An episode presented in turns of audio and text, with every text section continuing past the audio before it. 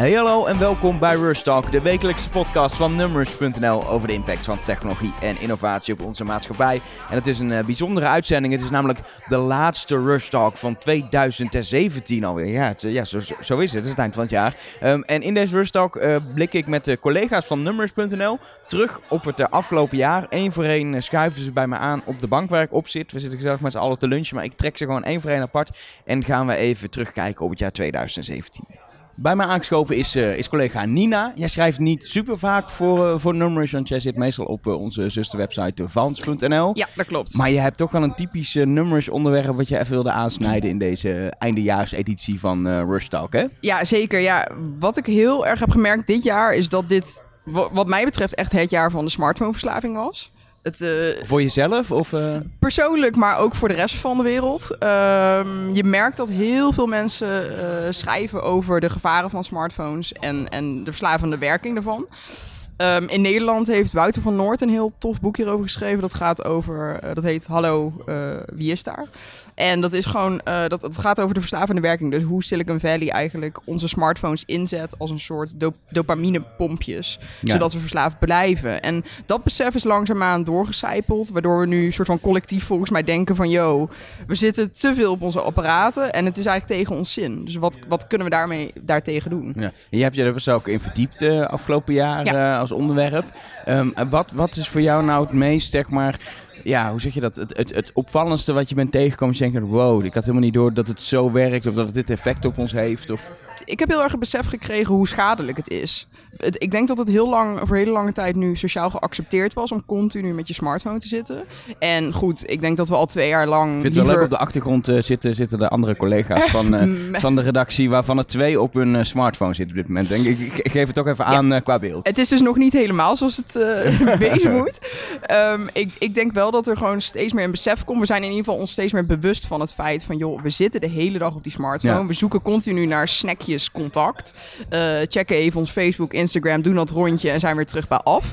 En wat we nu merken is dat er uh, heel erg veel wordt geschreven over de gevaren ervan. Dus de burn-outs, de massale burn-outs, um, uh, tot ontwrichtende gevolgen voor de maatschappij. Zoals een oud Facebook-topman deze week nog zei. Ja. Dus er zitten gewoon heel veel gevaren achter die we al scrollend op onze smartphone lange tijd niet door hadden. Ja, en heb jij zelf door, door alles wat je erover hebt gelezen en gehoord iets veranderd aan hoe je, hoe je zelf je smartphone uh, Ben, was je überhaupt, ben je überhaupt verslaafd? Uh? Ik denk het wel. Ik denk, ik denk dat het in zo, op zo'n mate, in zo'n mate nog zo geaccepteerd is dat het niet als een verslaving wordt gezien. Maar als ik kijk naar wat de kenmerken zijn van een verslaving, dus continu willen kijken, ook wanneer ik mezelf restricties opleg, ben ik denk ik verslaafd. Um, wel ben ik mezelf veel bewuster van het feit. Dus probeer ik uh, vaker een boek in mijn tas te doen als ik in de trein zit. Ik heb mijn home, homescreen veranderd. Ik heb meer apps verwijderd, zodat ik echt naar de browserversie moet.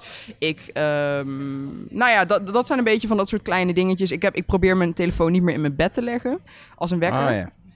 Dus dat zijn, Gewoon een losse wekker kopen is een hele goede tip. Schijnt, uh, ja, die zet ik nog voor, ja. mijn, uh, voor kerstman uh, ja. op mijn lijstje. En natuurlijk, uh, altijd eind van het jaar gaan mensen ook nadenken over goede voornemens. En misschien zijn er ook al mensen die het afgelopen jaar ook al tot conclusie zijn gekomen. Eigenlijk ben ik iets te verslaafd aan mijn, aan mijn telefoon. En nu denken dan, nou, dan ga ik, ga ik het nieuwe jaar een goed voornemen gebruiken om, om daar iets aan te doen. Wat, wat heb jij een ultieme tip of een, een plek waar je aan tips kan komen om er iets aan te doen? Want het is ja, het is een, een verslaving dus het is best wel moeilijk om het even, je doet Zeker. het niet even anders. Zeg Zeker. En die smartphone blijft ook nog voorlopig wel deel uitmaken van ons leven. Dus ik denk eigenlijk dat 2018 niet een jaar wordt waarin we de smartphone vaarwel moeten zeggen, maar wel op een andere manier moeten gaan kijken hoe we hem gaan inzetten. Dus um, zoek naar manieren waarop je je smartphone voor jou kan laten werken in plaats van jij voor hem. Wees je bewust van het feit dat er bedrijven achter zitten die je continu verslavend willen laten maken. En ja. besef van, goh, is dat iets hoe ik wil, wil ik op die manier mijn leven leiden? Uh, is het antwoord nee, dan zou ik zeggen: uh, ga, je, ga, je, ga je telefoon customizen. Zet hem, richt hem in zo, zoals jij het wil. En um, uh, neem eens wat vaker een boek mee. Ik las laatste tip van iemand die zei: Het beste wat ik heb geprobeerd en wat werkt, is mijn hele scherm via de instellingen zwart-wit zetten. Uh, en daardoor ben je minder getriggerd of Ja. zo. Um, nou, ik, ik doe veel met foto's, dus dan, dan, ja, dan is dat niet echt een optie. Dan kun je geen mooie foto's meer maken in kleur. Mhm. Dus ik, dat heb ik niet gedaan. Wat ik wel, wat ik zelf heb gedaan, is ik, ik heb inmiddels twee maanden geleden Facebook eraf gegooid. Gewoon maar kijken of ik het mis. En ik check het nog wel gewoon op mijn desktop, Ja. maar niet meer zo vaak. Want ik deed eigenlijk al... Ik, ik open het puur als soort, oké, even een rondje Facebook en dan scroll ik heen. En er zat nooit iets meer iets tussen wat ik Mhm. dacht, dit had ik nodig. Mhm. En inderdaad, ik, ik heb het verwijderd en ik, ik heel enkele keer dat je, dat je iets of iemand, vooral ook iemand vaak wil opzoeken, dat je even mist. Maar verder, ik mis die hele app niet. Ik heb hem verwijderd en oké, nou prima. Nee. En Instagram nog wel, want Instagram word ik heel blij van. Ook dat is natuurlijk wel verslaving, dat je gewoon in een, in een document doorheen scrolt. Maar daar word ik blij van. Van Facebook werd ik gewoon niet meer blij. Nee. Dat was echt een verslaving dat je, dat je denkt, ja, ik doe het omdat... Het omdat- werkt niet voor je. Nee, En, en Instagram heeft dat nog wel. Maar ik, het helpt wel echt om, eh, om, eh, om mij even- s- soms een keer een app te... de- gooi maar eraf en kijk maar of je mist, zeg ja, maar. Kun je precies. zonder? Ja, ik heb Twitter heb ik ervan afgegooid dit jaar en er weer opgezet omdat ik het te veel miste. Ja, Ja, dat kan Dan kan dat. Dat kan ja. ook. En, en, en wat, wat ook heel erg helpt is gewoon, eh, merk ook nog altijd, gewoon ook bij een etentje of, of een afspraak, gewoon even afspreken. Doe dan even de telefoon gewoon weg. Ja. Leg hem maar weg.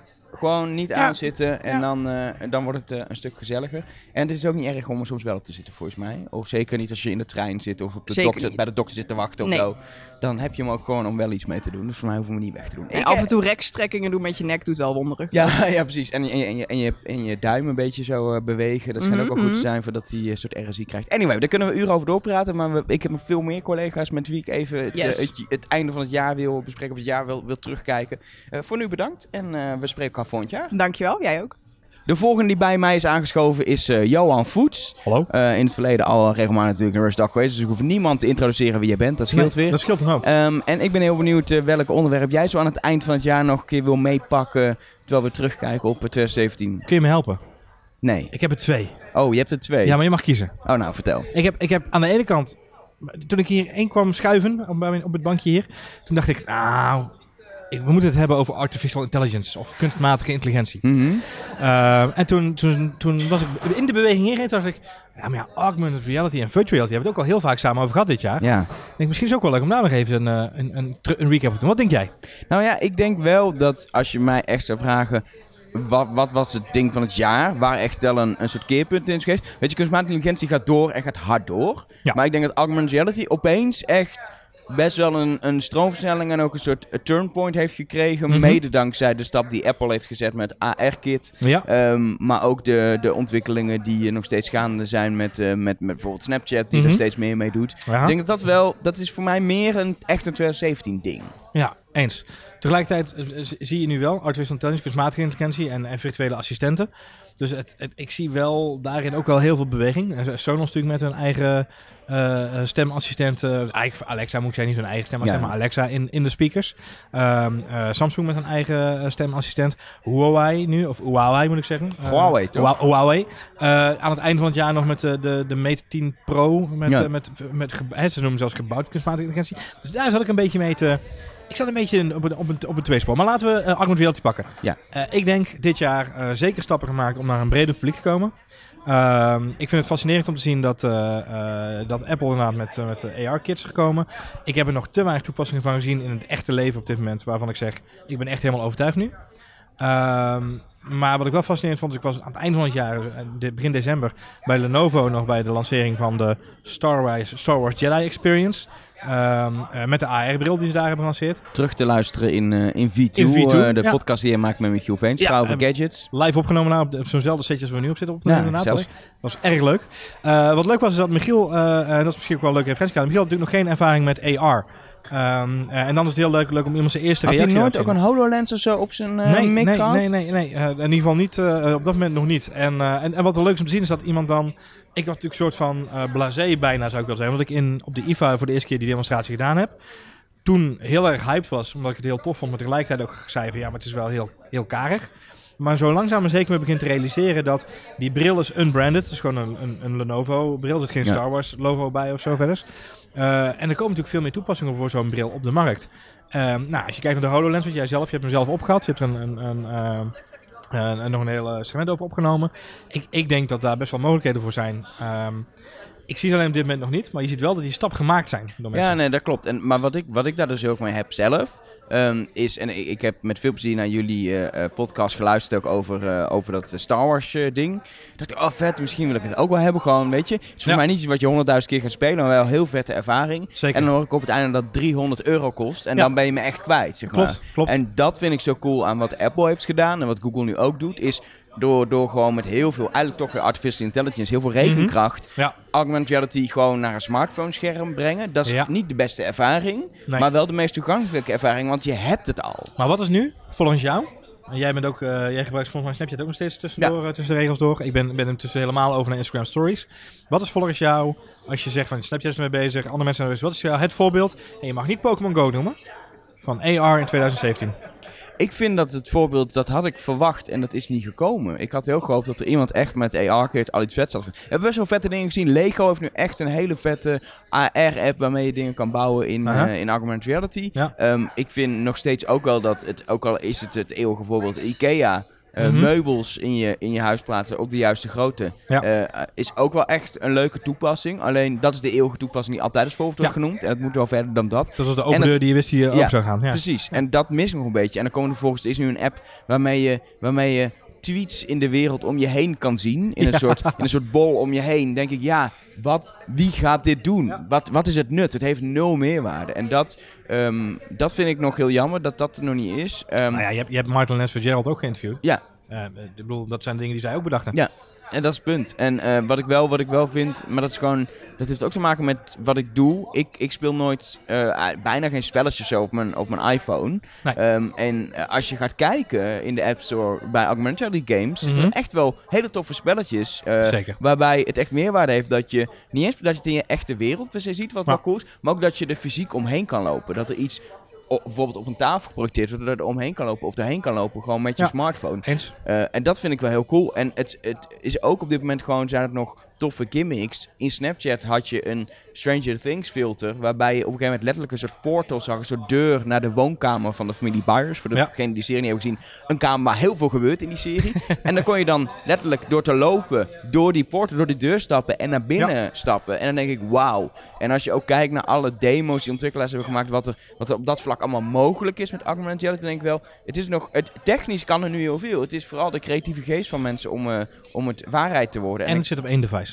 Ik- nou en, ja, en dat is... Dat is eh, Google rolt het nu heel langzaam uit met hun eh, eh, AR Core, hebben ze dat genoemd. Ja. Alleen bij Google, bij Android gaan dingen gewoon wat langzamer in software updates. Nou, natuurlijk, maar het gaat niet alleen om het feit, maar het is een device bedoelt meer de smartphone. Ja. En dat is, en dat is, eh, het is het projecteren via een scherm. Dus dat is, die stap moet nog gemaakt worden. Daarom vind ik het, en dat is een beetje, eh, als ik het dan toch moet samenvatten in, in, in één eh, quote, dan is het dat dit jaar augmented reality, virtual reality is een beetje stil blijven staan. Ja. Van mij betreft, zeker qua penetratie in de markt. Augmented reality is dit jaar voor het eerst naar de massa toegekomen. Het wordt naar de massa toe duidelijk gemaakt wat de technologie kan. Je laat heel goed, je benadrukt zelf ook inderdaad, dat zien we in de game store. Ja. Eh, entertainment vooral, hè? dus daar zien we heel veel leuke nieuwe concepten ontstaan. Daar zie ik toepassingen ook. Eh, zien we hem in de, in de eh, functionele toepassingen grootschalig? Zien we nu al iets wat, wat de wereld om zal zetten naar AR? Nee, nog niet. Maar de belangrijkste ontwikkeling van dit jaar is dat AR voor een heel groot publiek bekend is geworden. Dat de technologie eh, voet, aan aarde, voet aan de grond krijgt. Ik denk dat dat, denk dat, dat een, een hele relevante trend maakt voor dit jaar. Dat denk ik ook. En ik denk dat wat dat betreft de belofte voor eh, 2018 alleen maar heel groot is. Dat is voor de volgende aflevering, toch? Ja, dus gaan we, Ja. dan, gaan we dan Ja, 2018 ja, helemaal 2018 gaan we-. Voorspelling van 2018. Of eh, werkt dat zo niet bij podcast? Nee joh, dat doen we allemaal nu Nee? gewoon meteen. Geen, geen SEO-indexatie? nee, dat hoeft allemaal niet. Heb jij nou gewoon heb jij, PO, heb jij, podcast. heb jij een augmented reality voorspelling voor 2018? N- Nee, omdat ik, eh, eh, ik durf geen harde woorden te zeggen. Ik denk dat we niet heel veel sneller uit de status quo gaan komen. Ik vermoed namelijk dat hetgene waar we nu staan nog wel even zo zal blijven. Omdat, eh, je ziet nu in, op de IFA in Berlijn dit jaar zag je de eerste sloot van grote fabrikanten met AR-brillen. Eh, Lenovo en Microsoft en nog een aantal andere merken die, die er wel mee bezig zijn.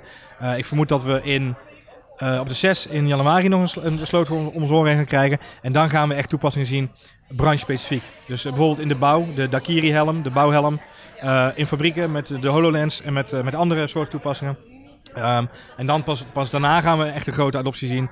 Misschien is het wel niet voor de consumentenmarkt, maar ik vo- voorspel niet dat we in 2018 ineens eh, ontweggeblazen worden door de augmented reality toepassing van het jaar. We wachten af. Tu. Johan, dankjewel. Alsjeblieft. De volgende bij mij aangeschoven is, eh is eh, Marjolein Kamphuis. En eh, ik ben heel benieuwd aan het einde zo van 2017 eh, wat, jij, eh, wat jij hebt meegenomen voor onderwerp. Wat je nog één keer wil bespreken. Ja, ik, ehm, ik heb daar even lang over nagedacht. Er zijn natuurlijk heel veel voorspellingen gedaan voor 2017. En toen kwam ik tot de conclusie, ja, qua tech-trends zijn er een heleboel dingen die volgens mij veel langer de tijd eh, nodig hebben. We hadden het net aan tafel ook even over met elkaar. Internet of Things en zelfrijdende auto's en augmented reality, En, hadden, virtual en hadden, reality. hadden we het in 2016 ook al Hadden over. Zeg maar. 2016 over, 2015 ook al over. Wearables hoor je iedereen gelukkig wat minder over. Dus er gaan ook weer wat dingen weg. Dus daar wil ik het allemaal niet over hebben. Ehm, als je mij vraagt 2017, waar moet je dan gelijk aan denken? Of wat was eigenlijk de ontwikkeling die jij opvallend vond en eh, waar je blij van wordt? Dan is het, en dat kan ook een beetje komen omdat ik net naar de nieuwe Star Wars film ben geweest. eh, dan is het dat ik het zo ontzettend tof vind dat er in de eh, media ehm, echt dingen aan het veranderen zijn. We hebben dit jaar natuurlijk eh, de MeToo-discussie eh, gehad. Daar wil ik het even niet over hebben.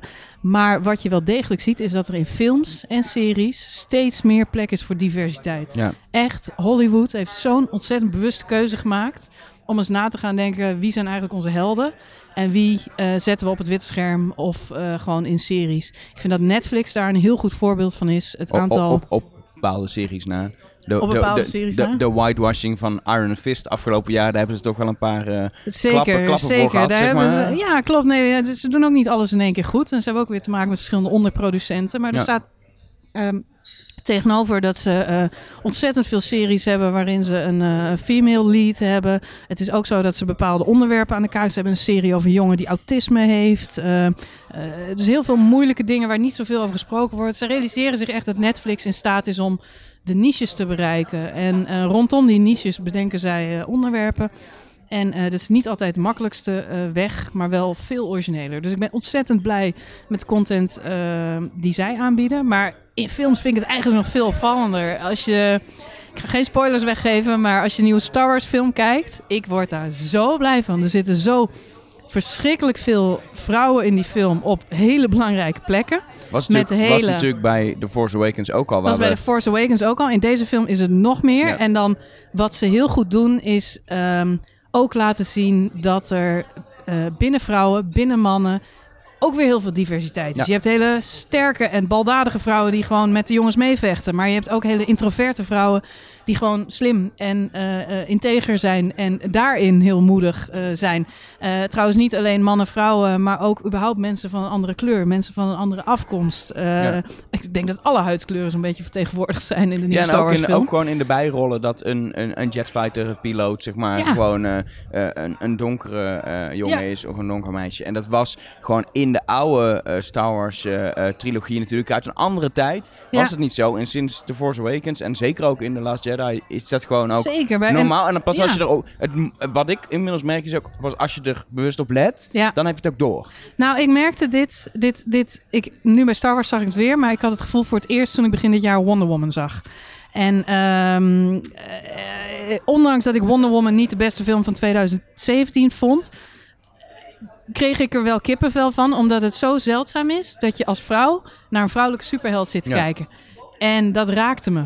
En ik zag het nu bij Star Wars weer. In, in Thor zit een hele sterke female lead en een female eh, bad, guy, zeg maar, bad woman. Ehm, dus het is, niet, het is niet alleen een Star Wars, het is een heel veel type films dat er ineens meer eh, vrouwen zitten. Er zat net in de bioscoop bij Star Wars zat een eh, heel klein meisje voor mij, samen met haar moeder. Meisje was helemaal verkleed als Ray, inclusief drie staartjes op de achterhoofd. En, en die was helemaal fan. En de, ze spraken iemand aan. Iemand zei van, zo, jij bent helemaal fan. Ja. En in plaats van dat daar zeg maar een frozen prinsessenmeisje zat. Wat ook prima is. Die meiden heb je ook. eh, zat daar een meisje die helemaal fan is van Star Wars. En ik, nou, het roerde me. Ik vind dat echt heel mooi. En ik, ik wil daar alleen maar mee zeggen, vrouwen hebben soms ook superhelden nodig. Ehm, ja, om, om, eh, om bepaalde badassery mee te krijgen. Precies. En in 2018 verwacht je gewoon meer van dit. Oh, ik hoop het wel. Ik hoop het wel. Want ik denk dat dit... Ik ben zelf altijd al een beetje superheldenmeisje geweest. Ik was vroeger echt fan van eh Spider-Woman, de tekenfilmserie. En eh, hoe slecht dat ook was. Maar ik realiseer me gewoon dat je rolmodellen nodig hebt. Ja. Of je nou wit of blank of, eh, of zwart of geel of man of vrouw of jong of oud bent. Je hebt rolmodellen nodig. En door rolmodellen te zien, ga je zelf geloven dat je zelf ook bijzondere dingen kunt doen. En dat hebben vrouwen en heel veel andere minderheden in het verleden misschien wel eens te weinig gehad. En dat is één van de manieren waarop we de, in de toekomst dingen anders kunnen doen. Waardoor je meer gelijkheid kunt genereren. En eh, situaties als MeToo hopelijk ook kunt voorkomen. Ja, en, en, en misschien eh, mooi om daarmee af te sluiten. Als mensen komend jaar meer over populaire cultuur willen horen en Ja. ook over dit soort onderwerpen, dan eh, sinds, sinds kort presenteer jij daar een, een, een, een podcast over. Ja, de podcast. En dat is De een pod- pop- de, popcast. de popcast. De podcast over pop. popcultuur. Ja. En eh, ja, die is van Vans.nl. Zusje van eh, nummers. En die staat gewoon in elke podcast-app is die te vinden. Kun je abonneren. Ja, De eerste paar ja. afleveringen staan er al in. En er komen volgend jaar weer, eh, weer nieuwe. We gaan daar zeker mee door, zeker. Het is nu nog een beetje een infrequente podcast, omdat de tijd af en toe erbij inschiet om hem te maken. Maar we gaan daar zeker mee door. Nou, een mooie, mooi voor 2018 om lekker naar te gaan luisteren. Marjolein, dankjewel. Alsjeblieft. En de volgende bij mij op eh, de bank, want daar zitten we op, is, eh, is eh, collega Stan Hulsen van, van Numrush. En Stan, wat heb jij voor onderwerp waarmee jij wil terugkijken op 2017? Is het een therapie sessie? Nee hoor, het is gewoon... geen- eh, oh, want ik wou het over even- bitcoin hebben. Oh, je wil het, dan is het wel een therapie. Eh, heb jij bitcoin? Nee, jij wel? Nee, ja, Had nee. ik ze maar. Ik heb ergens echt een, een, een, een, een weet ik veel, ik weet niet eens hoeveel het is, want het zit in een, in een account waar ik niet in kom. Ik heb ergens iets van een duizend bitcoin, wat toen, toen zeg maar 50 cent waard was. Maar nu denk ik wel een paar tientjes waard is, maar ik kan er niet bij. Dus eh, Ja. ja, dat is zuur. Ik denk dat er heel veel mensen zoals, zoals jij dan zijn. ja. Ik heb Dat- gisteren ook nog even een wallet gecheckt. In de hoop dat, dat er wat in zat, zeg maar. Van, had ik er nou in. wat in zitten of Nee. niet? En ik, had, ik zag ook wanneer ik hem... eh 15 november of zo had ik hem een keer. Dus echt... eh, Nou ja, ik weet niet hoeveel die toen waard is. Dat heb ik nou niet praat. een stuk minder dan nu in ieder geval. En Dus ik dacht, nou ja, als er dan zeg maar ook 0,05 of zo maar in zit of zoiets. Heel klein, dan had ik ze nu verkocht. ja, maar helaas. Nee. Dat is jammer. Maar Eh, de bitcoin, ja, ja. Het, is, het is een logisch onderwerp als je terugkrijgt op, eh op nou ja, de afgelopen de jaar. afgelopen eh, drie, drie maanden denk Ja. ik dat het echt, eh, echt een vlucht heeft genomen. Het begin van het jaar was natuurlijk wel... eh, ik denk dat het vorig jaar redelijk stabiel is geweest. En dan begin van het jaar ook wel in, in januari, februari, zeg maar. Vanaf maart begon hij toch wel echt langzaam te klimmen qua prijs. En eh, nou, ik denk dat sinds oktober echt een gekke huis is. Ja. Op een gegeven moment werd hij door de 5000 heen. Toen dacht ik nou... Als het, als het moment is om te verkopen, zou ik het nu doen. Ja. En toen ging hij door de 6000, toen door de 7000. en eh, toen, eh, toen een heel 10.000, korte periode, echt in een week of zo, van 10.000 naar 15.000. Eh, inmiddels schommelt hij volgens mij tussen de 15.000 en 16.000 ongeveer. Eh, dus ik heb nu weer het idee, als ik nu bitcoin zou hebben, zou ik ze nu verkopen. Maar ja, wie weet schiet hij wel door de 20.000 heen of zo. Ja. Eh, het is een gek huis. Maar wat je ook ziet, de, de bitcoin is ooit was het soort van de belofte, dit gaat ons geld vervangen zonder banken, helemaal los van het systeem. Ja, dat is niet gelukt. Ehm, dat is niet gelukt, want het is nu een soort van investeringsding. Eh, je- Absoluut. Je ja. kan er eigenlijk niet eens mee betalen, want, want als, zeg maar, als je gewoon in een winkel, als je daarmee zou kunnen betalen, betaal je, betaal je een paar dollar transactiekosten eh, om, die, om die bitcoin transactie te doen. Dat is gewoon niet, het is gewoon als betaalmiddel niet meer te gebruiken eigenlijk. Nee, en dat is ook. eh, ik, ik discussieer er wel eens over met mensen die dan eh fans zijn van Bitcoin. En dan vraag ik aan ze: waarvoor gebruik jij die Bitcoin? En dan zeggen ze: ja, ik hoop dat die meer waard wordt. En dan vraag ik je: waarvoor denk je dat al die honderdduizend andere mensen die Bitcoin voor gebruiken? En Ja. dat is precies hetzelfde uiteindelijk. Ja, het is voor mensen. En wat dat betreft is het een beetje raar, want het is nooit bedoeld als een soort, soort ja, handelmiddel om, eh, om, om heel veel geld waard te, te worden. Een soort aandeel, zeg maar. Nee, maar dat is het wel geworden. Het is totaal niet efficiënt om te betalen. Het is unreliable, want binnen vijf minuten kan de prijs eh, met 1000 eh, dollar gezakt zijn. En het, het is ook helemaal niet verstandig om ermee te betalen. Want stel dat je er nu mee, iets mee afrekent. Nou ja, een bekend voorbeeld is de pizza van 10.000 bitcoin. Een pizza van 10.000 Ja, bitcoin? In het begin is er een pizza afgerekend voor 10.000 bitcoin. Wauw. Ehm, ik weet, ja, hoeveel is die nu waard? Heel veel. Ja, nee, dat is, eh dat Dus nee, maar dat, is, dat, speelt nu natuurlijk ook. Als je nu een bitcoin uitgeeft, ehm, stel dat die nog veel verder gaat stijgen, de prijs van bitcoin, dan wordt jouw transactie uiteindelijk, is dan jouw product dat je koopt, is dan relatief natuurlijk een stuk minder waard. Ja, nee, Omdat je wat je ervoor betaald hebt een stuk meer waard is. Ja. En wat, wat je denk ik ook wel hebt gezien rond, zeker rondom de bitcoin niet eens, want je, je kan natuurlijk breder krijgen naar, naar cryptocurrency en dan heb je Ethereum afgelopen jaar ook gehad en je Ja. hebt Litecoin en weet ik veel, zo kun je- heb je er honderden. Je hebt die ICO's tegenwoordig, dat is ook een los verhaal waarin bedrijven geld ophalen Ja. door zo'n munt uit te geven. Initial coin offerings. Precies. Ja. Maar als je echt kijkt naar, naar de Bitcoin zelf, dan zie je wel dat het nu heel gewoon een situatie is van. Je hebt nog steeds mensen die fan zijn, die hebben vaak ook Bitcoin. En die zeggen: Oh, dit is fantastisch. En je hebt mensen die inmiddels toch wel zeggen: Jongens, dit loopt helemaal uit de hand. Het is bijna een soort piramidespel aan het worden. Het is Ja. eigenlijk op niks gebouwd, onzeker. Maar ook, het kost superveel elektriciteit op dit moment. Om nog de laatste bitcoin die nog gemined kunnen worden, die nog, die nog niet bestaan, die nog gecreëerd kunnen worden. Ja. Om het even heel simpel te zeggen. Ehm, Nou ja, er is rekenkracht nodig voor transacties, voor bitcoin transacties. En die wordt geleverd door, een- door computers. Ja. En in de in beloning voor die computers is dat, eh, dat ze een kleine aandeel, aandeel bitcoins krijgen. Precies, ze krijgen een nieuwe bitcoins. En eh, volgens mij, had.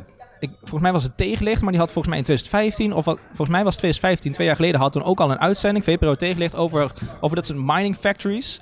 En eh, daar zag je toen al dat echt in, in, in Azië bijvoorbeeld hele fabriekshallen werden ingericht met eh, alleen maar grote computers die een hoop bitcoins konden minen. Ja. Omdat het toen heel veel opleverde.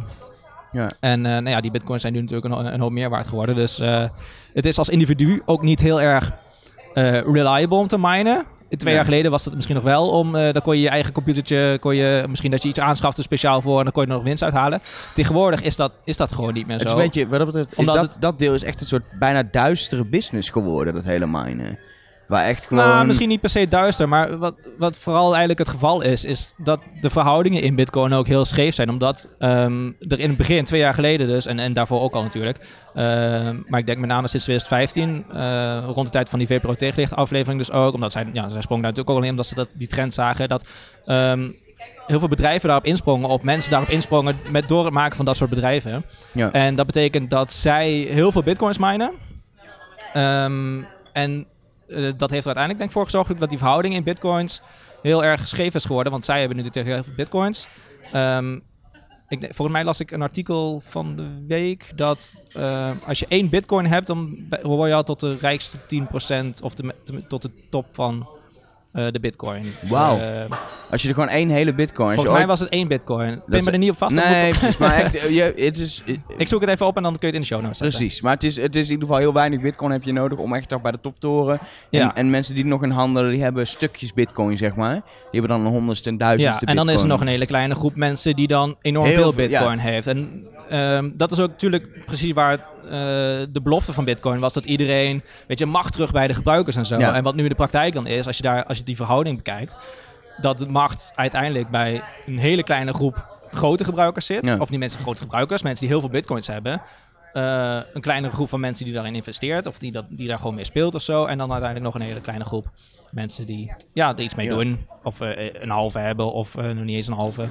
Eh 0,00001 of zo. Nee, precies. Maar het doet niks af aan de, eh, aan, aan de nog steeds kansen, volgens mij, die er zijn voor de onderliggende technologie, blockchain, voor veel meer toepassingen dan dit Ja, ene handelvoorbeeld dat het, wat nu de bitcoin is. Ja, Er zit nog steeds heel, de technologisch fundament is natuurlijk nog steeds heel je, ja, interessant. het- je moet het aan elkaar zien natuurlijk, omdat eh, Bitcoin is, ge- is gebaseerd op blockchain. Maar je moet het ook heel erg los zien, want ehm, eh, de, de belofte van blockchain hangt niet samen met de prijs van een Bitcoin. Dat, dat is zeker zo. Het zijn, het zijn uiteindelijk zelfs twee, weet je, eh, een koe is een dier en een dier is geen koe, zeg maar. Ja, Dat is eigenlijk het ding. Een bitcoin is ja. gebaseerd en op blockchain, Bitcoin is gewoon een hele, blockchain be- staat- hele bekende toepassing Ja. van, van die eh, technologie geworden.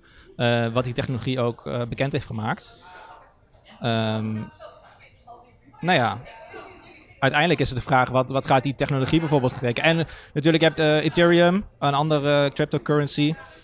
Gaan we die nog helemaal bespreken? Ja, nu? heel kort even, want eh, daar, daar heb je natuurlijk ook van die slimme contracten. En dat, dat is dan uiteindelijk wel, weet je, daar zie je ook gelijk de toegevoegde waarde tegenover wat Bitcoin, wat dan een soort beleggingsmiddel is. Ja, Et- Ethereum biedt gewoon al in de technologie veel meer dan puur alleen de valuta. Ja, precies. Ja. Dus Eh, ik vind het veel interessant om ook daar meer naar te kijken dan inderdaad die Bitcoin. Want ik, ik vraag me elke, ik word elke acht dag word ik wakker en dan denk ik, is hij al geklapt? Ja, precies. Hij, sta- hij staat sowieso op de to-do-list voor 2018 om rustig ook dieper op die eh, cryptocurrencies eh, in te gaan. Wa- wat verwacht jij van de bitcoin in 2018? Gaat die klappen? Ja, hij gaat een keer klappen, denk ik. Maar wanneer, dat, eh, dat durf ik niet te zeggen. Ik, ja, zoals ik zei, ik, denk, ik word elke ochtend wakker en dan denk ik, is die vandaag geklapt? En dan kijk ik en dan, nee. Hij schommelt wel veel, maar houdt het ook mee op, zeg maar. Oké, nou wa- wacht af. We gaan iedere ochtend even checken hoe het ermee staat. Yes. Stan, dankjewel. Graag gedaan. En de volgende patiënt zeg maar, op de bank bij mij is, eh, is Lisa. Hallo. Ehm, eh, jij eh, hebt ah, zeker het afgelopen, nou wat is het, half jaar, inmiddels negen maanden of zo, heb je echt ontzettend veel geschreven voor, eh voor Numrush. Ehm, en ik ben wel benieuwd, als we zo terugblikken op 2017, welk onderwerp jij nou nog even een keer eh, wil nabespreken? Wat, wat, wat, wat is voor jou 2017 op, Ja. eh, op Ja. het gebied van innovatie, technologie, dat soort zaken? Mhm. Ja, er is heel veel gebeurd afgelopen jaar. Maar ehm, wat ik wel heel erg interessant vond. ik heb een tijdje terug een interview gedaan met David Mattin van Trendwatching. Nee, en hij, hij had het over de vier grootste trends voor 2018. Oh, hij kijkt al vooruit, oké? Ja, maar ehm één onderwerp eh, die hij noemde vond ik wel heel erg interessant. Waar we het afgelopen jaar heel veel over gehad hebben. Ehm, en dat is het onderwerp van status. En dan denk je waarschijnlijk status. Wat bedoel je On- online daarmee? of offline? Van Eh, MSN online vroeger. status. Ja, maar ik denk, ik denk bij status meteen aan vroeger MSN. Daar kon je je status instellen. Ja. afwezig, bezet, dat Ja. soort dingen. Maar die status bedoel je niet? Nee, nee, niet die status. Met status heb ik het voornamelijk over ehm, niet wat wij hebben, maar wie wij zijn. Dus wie willen wij, hoe willen wij ons presenteren online? En dat zie je terug in hashtags, op Instagram. We willen een mooi beeld van ons leven geven op, op social media. Ehm, maar dat zie je ook terug bij eh, bedrijven.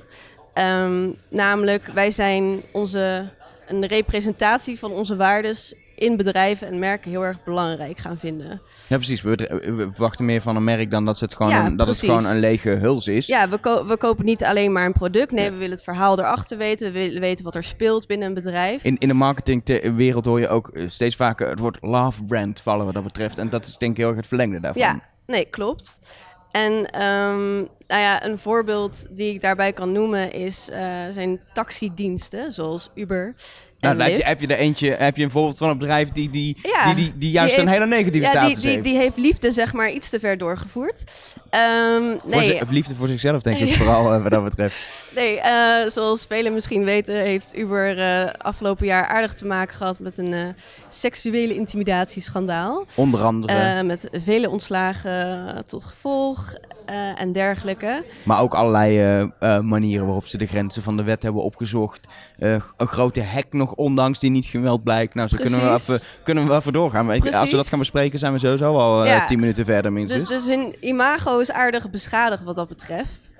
Ehm, en wat ik dus nu zie, is dat veel meer mensen zich meer, meer toenadering zoeken bij een taxidienst die een wat vriendelijkere eh, presentatie heeft en een wat, wat vriendelijker imago. En dat is bijvoorbeeld Lyft. ja, dat is in Amerika. Ehm, in ja. Nederland hebben we dat helaas, niet. Helaas nog niet, nee. Maar ja, ik heb het zelf mogen ervaren in Amerika. En ik merk daar wel dat heel veel mensen ehm, toch wel het imago van het bedrijf Lyft heel erg belangrijk vinden. Mhm. En dus sneller gebruik maken van die dienst dan van Ja. Uber. Omdat Uber zo vaak eh, slecht in het nieuws is gekomen afgelopen jaar. Ehm, en Lyft, ja, die, die besteedt meer aandacht aan eh, de service. En ze schijnen hun chauffeurs ook eerlijker te behandelen. Misschien beter te betalen zelfs. Ehm, dus ik vond het wel heel erg opvallend dat ja, in een land waar je dus de keuze hebt tussen Uber en Lyft, dat mensen toch sneller neigen naar Lyft. Ehm, dus het is best wel een ontwikkeling eh, geweest afgelopen jaar. Ik, denk- ik denk dat we dat op dit moment ook wel een beetje in Nederland, tenminste als ik gewoon in mijn omgeving kijk, begin te zien met, eh, met de bezorgdiensten die we in steden hebben waarmee je eten kan bezorgen. We hebben de, eh, in meeste steden nu, eh, grote steden, heb je de Deliveroo. Die zijn heel erg negatief het nieuws, Ja. omdat ze eigenlijk heel slecht omgaan met de bezorgers. Die maken ZZP'er en sturen ze zeg maar onverzekerd weg, op kort samengevat. Daar wordt nu heel veel over gesproken en er is heel veel gedoe over. Dat wordt hopelijk wel iets beter door alle, door alle ophef die er nu is. Uber is natuurlijk ook een partij die eten bezorgt, maar Ja, dat is ook Uber een beetje, ja, nou, Ja. dat is gewoon Uber. Dus daar zijn mensen ook al negatief. En, Ja. dan- en dan heb je Foodora, die eigenlijk tot nu toe eigenlijk altijd een beetje derde, derde wiel aan de wagen waren. Nee, je hebt vier wielen op een wagen, maar dat maakt niet. Die de, zeg maar Ja, de derde der- speler derde waren, wiel, ja. d- eh, die, die het gewoon niet op konden boksen eigenlijk eh, qua marketing ook eh, tegen Deliveroo en, en Uber Eats. Dat je toch een mensen hoort, ja, ik ga nu maar naar Foodora kijken, want dat is het enige bedrijf waar ik nog wel een beetje positief over ben van die bezorgdiensten. Dus daar zie je dat denk ik nu ook heel erg ontstaan. Ehm, Ja, precies. En je ziet dus dat, dat de waarden die wij voor onszelf belangrijk vinden, dat we die gaan projecteren op bedrijven. Dus ehm, zou jij als eh, bezorger van Foodora of Deliveroo eh, heel lang in de kou willen staan of Nee. oneerlijk betaald willen krijgen? Nee, natuurlijk niet. Dus jij gaat dan ook niet bestellen bij een dienst eh, waarbij heel erg vaak in het nieuws is gekomen dat ze dat soort dingen doen.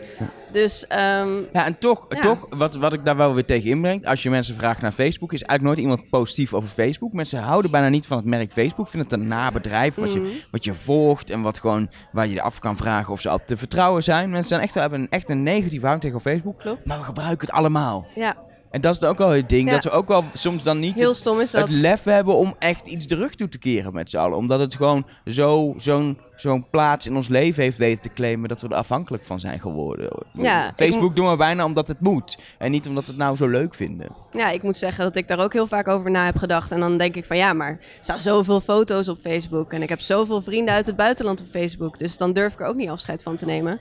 Maar ik spreek er ook vaak negatief over. Dus dat is inderdaad ook wel een ding om over na te denken van... tot hoe ver willen wij gaan, zeg maar. Ja. Denk je dat dit, dat dit volgend jaar alleen maar meer eh, gaat spelen? Is het een ontwikkeling die nog verder gaat?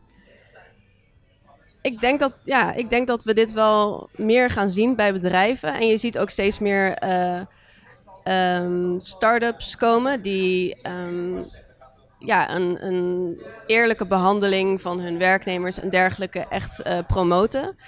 Eh, zo, ja, ik blijf toch echt bij de taxidiensten, sorry Elger. Maar, nee, dat eh, vind ik prima. Dat is een mooi eh, voorbeeld. Je, dus, je hebt eh, nu bijvoorbeeld ook een, een taxidienst die heet Juno. En eh, alle chauffeurs die krijgen een aandeel in het bedrijf. Dus elke Oh, chauffeur is mede-eigenaar van het bedrijf. En dat is iets wat nu heel erg aan het opstarten is. Maar en, tuurlijk, dat zal nooit zo groot zijn als nooit zo groot worden als Uber. Maar alleen al het bestaan van zo'n bedrijf laat zien dat dat toch wel heel erg veel is gaan spelen. En misschien steeds een grotere rol gaat spelen komende jaren. Sowieso, Uber krijgt een heleboel con- concurrentie. Want alle autofabrikanten zijn met zelfrijdende auto's ook aan het kijken of ze Ja, taxidienst slash deelauto's kunnen gaan opzetten. Eh, Google is natuurlijk ook gewoon mee bezig. Het, het wordt een heel andere markt dan we nu op dit moment kennen. Ja, klopt. Ja, en als je dan hebt over Facebook. Ik zou niet heel erg verbaasd zijn als er inderdaad een soort van concurrent van Facebook komt die een wat eh, vriendelijkere benadering zoekt en wat eh, minder, ja, eh, hoe zeg je dat? Zoals Mark Zuckerberg met zijn artificial intelligence wil bereiken dat, dat, dat wij uiteindelijk elkaars gedachten kunnen lezen. Dat vind ik toch best wel een enge uitspraak. Misschien komt daar wel een tegenhanger tegenover te staan. Voor 2018 ja? 2018 misschien. Misschien begint er iets op te komen in 2018 en gaat het zich daarna uitbreiden. We gaan het zien. Ik, eh, ik ben benieuwd. Ik vind het een mooie voorspelling. Ja, Lisa, dankjewel. dankjewel.